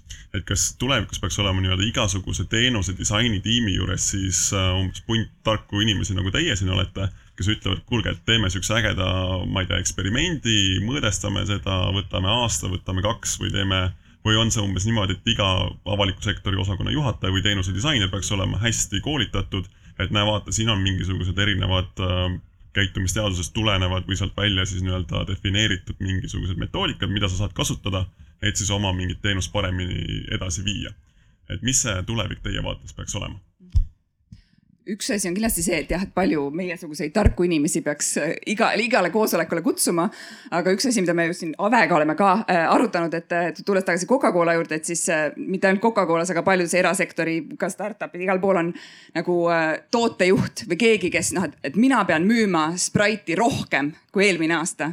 aga et, äh, et kui avalikus sektoris oleks ka selline see jällegi nüüd on see ownership või, et, et sa, et, et vot minu eesmärk on, et eestlased tarbiksid vähem suhkrut, et siis see juba, juba nagu läheks äh, natukene võrdsemaks see olukord, et, et ma ei tea, ma nüüd viskan äh, sõna teistele, aga nagu selline idee Mm. alge. ja see, see on väga nutikas minu meelest ja siis mina tahtsin lihtsalt juhtida publiku tähelepanu sellele, et, et laval on ikkagi sellised mõjutamisvõlurid ja, ja mõjutamisvõlurite äh, kvaliteedimärk on see, kui, kui arutelu lõpuks esitatakse arutelu korraldajate turundussõnum publiku küsimusena. et, et tulevikus meie tahaksime näha, et pöördutakse hankepakkumistega Emori ja Praxise poole ja tullakse Tartu Ülikooli õppima magistriõppekavadele rakenduslik äh, käitumisteadus ja muutuste juhtimine ühiskonnas ja ma just, ma tahtsingi, et nagu no ja me siin kõik mõõtame üksteist, sest et su eelmise küsimuse peale, kus me jäin mõtlema, et kas tõesti, mis mina teen nagu vahe või noh, et need tööriistad, mis ma kasutan, kas ei ole nagu käitumisteadus on ju. et noh, mina siis olen praegusel hetkel defineerin ennast siis teenusdisainerina, kes siis on just minemas äh, õppima rakenduslikku käitumisteadust, sest see, mis ma senini olen teinud, on olnud justkui popkultuur. aga, aga, aga sinu. loomulikult andekas. ma, ma ei, ma ei tea, see on jah, või putru söönud äh, õigetel, õigetel eluaastatel, aga, aga noh, kui mina räägin Innotiimi vaatest, siis tõesti, millega, mis minu, minu meelest selline käitumisteadused, disainmõtlemine, see on, see on lihtsalt nagu üks mõtteviis või selline nagu tõesti, et selline oskus nagu küsida mingisuguseid küsimusi, et, et, et, et kas see on oluline, kuidas ma näiteks selles ametlikus kirjas inimese poole pöördun, et jah, on küll, et, et, et rohkemad avaliku sektori töötajad oskavad märgata neid nagu nende selliseid äh, nagu nende tegude tagajärgi, mis puudutavad siis avalikke teenuseid. ehk siis vastus oli jah ja jah, et äh, mõlemat oleks vaja ma tooksin veel siia kolmanda aspektina sisse ka kommunikatsiooni, et äh, mõnevõrra üllatuslikult avastasin, et ka nii-öelda teadusajakirjades, et äh, üsna vähe on selliseid ajakirju, mis on nagu spetsialiseerunud no sellesama näiteks kestlikkuse poole peal, et me teame, et neid katsetusi tehakse erinevates kohtades väga palju ka noh, nii-öelda inimeste käitumisega, aga selliseid väga korralikke nagu juhtumianalüüse, analüüsivaid äh, teadus, noh, neid publikatsioone on üsna vähe. Neid tõesti tuleb nagu noh, neid võiks olla oluliselt rohkem. tegelikult ka oma, oma tegevuse noh, niisugune analüüs, et, et me ega, ega, ega, ega ükski, ega ükski ekspert ega, ega uurija ei ole nagu mingisugune nii-öelda süstlanõel, mis siseneb, et ta ise ka nii-öelda praktiliselt nii-öelda muutub ja, ja, ja sedasama nii-öelda mingis mõttes me sekkume ka üksteise tegevusse nii-öelda selles suhtes. et, et ka, ka see, olgu ta siis nii-öelda teadusaja, ajakiri või, või populaarteaduslik ajakiri, et, et noh, niisugust nagu kogemuste jagamist, et kuidasmoodi meil see asi läks on, on siiski üsna vähe mingil põhjusel ja võib-olla see on seotud ka jah, selle niisuguse, ma ei oska öelda, kas siis valitsemiskultuuriga, kus nagu ämbritest ei ole sobivik rääkida, samal ajal noh, nii-öelda Jaapanis kogu teadmusjuhtimine põhineb sellele, et julgetakse rääkida ka ämbritest, mis meile ka üpris olulist infot annavad. et võib-olla ka nendest teemadest rohkem rääkimine lisaks, lisaks sellele nii-öelda hariduse ja, ja teadlaste kaasamise poolele muudaks, muudaks inimesi noh, võiks öelda targemateks tellijateks ja võib-olla tal ei ole vaja seal mitut, mitut nõuandjat, kes võib-olla ka natuke erinõu annavad, et, et, et noh, tõesti ka see tellijate nii-öelda harimine töö käigus võiks olla oluline. kas meil on veel küsimusi?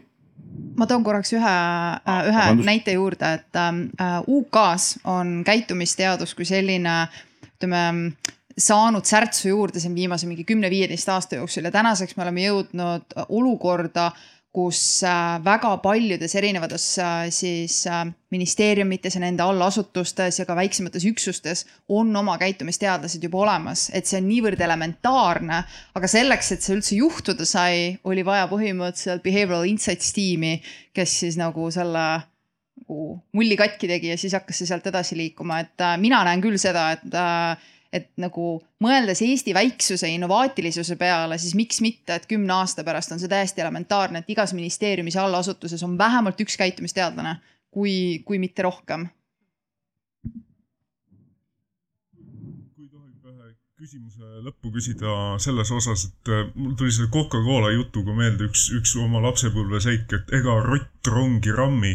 Ja sellega seoses, äh, et ähm, kas äh, teie arvate, et käitumisteadus või ütleme noh, lähme sinna müksamise juurde tagasi, et müksamisel on mingisugunegi roll selles ühiskondlikus situatsioonis, kus me vaatame näiteks rohepööret mida me peame, kui suures mastaabis muutusi me peame tegema, me räägime eetikakomisjonidest, igasugustest väikestest asjadest, et noh, et, et, et kas müksamine võiks olla adekvaatne ja, ja kas riigil on üldse mingisugust, see läheb liiga keeruliseks, et kas riik saab endale lubada üldse selliseid noh, mükse, see pole enam ilmselt müks, mida meil on vaja näiteks keskkonna äh, teemadel, ütleme, käitumise muutused. ja meie, noh, meil on Innotiimiga on tükk aega on peas mõlkunud selline formaat, mida ka UK-s on tehtud nagu nudgeathon või siis eesti keeles müksaton kus äh, tulevadki kokku käitumisteadlased, teenusdisainerid, äh, panevad, noh, teate on ju häkatone ja neid nagu Garage nelikümmend kaheksat ikka teate.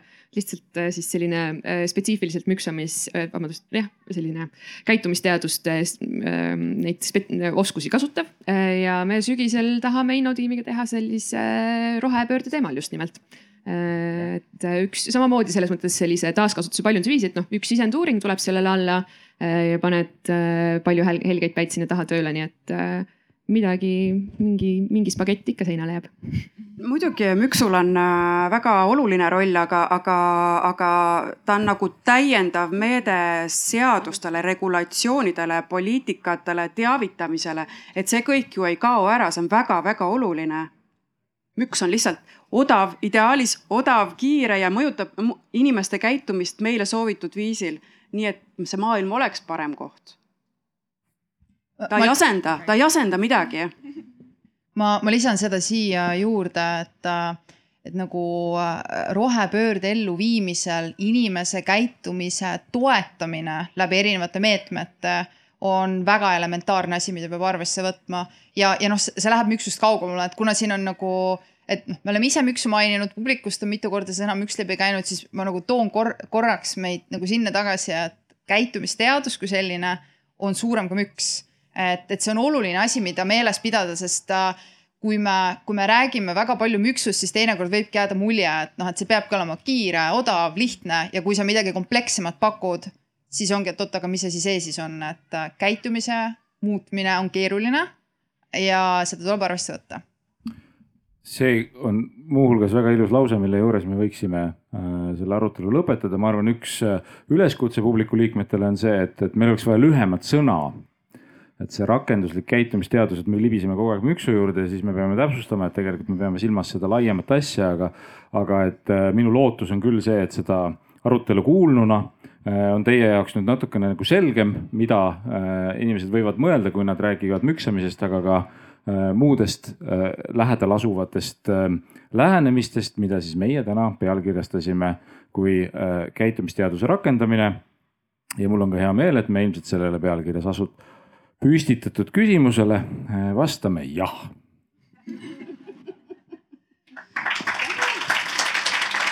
selge see, et ega kõike teha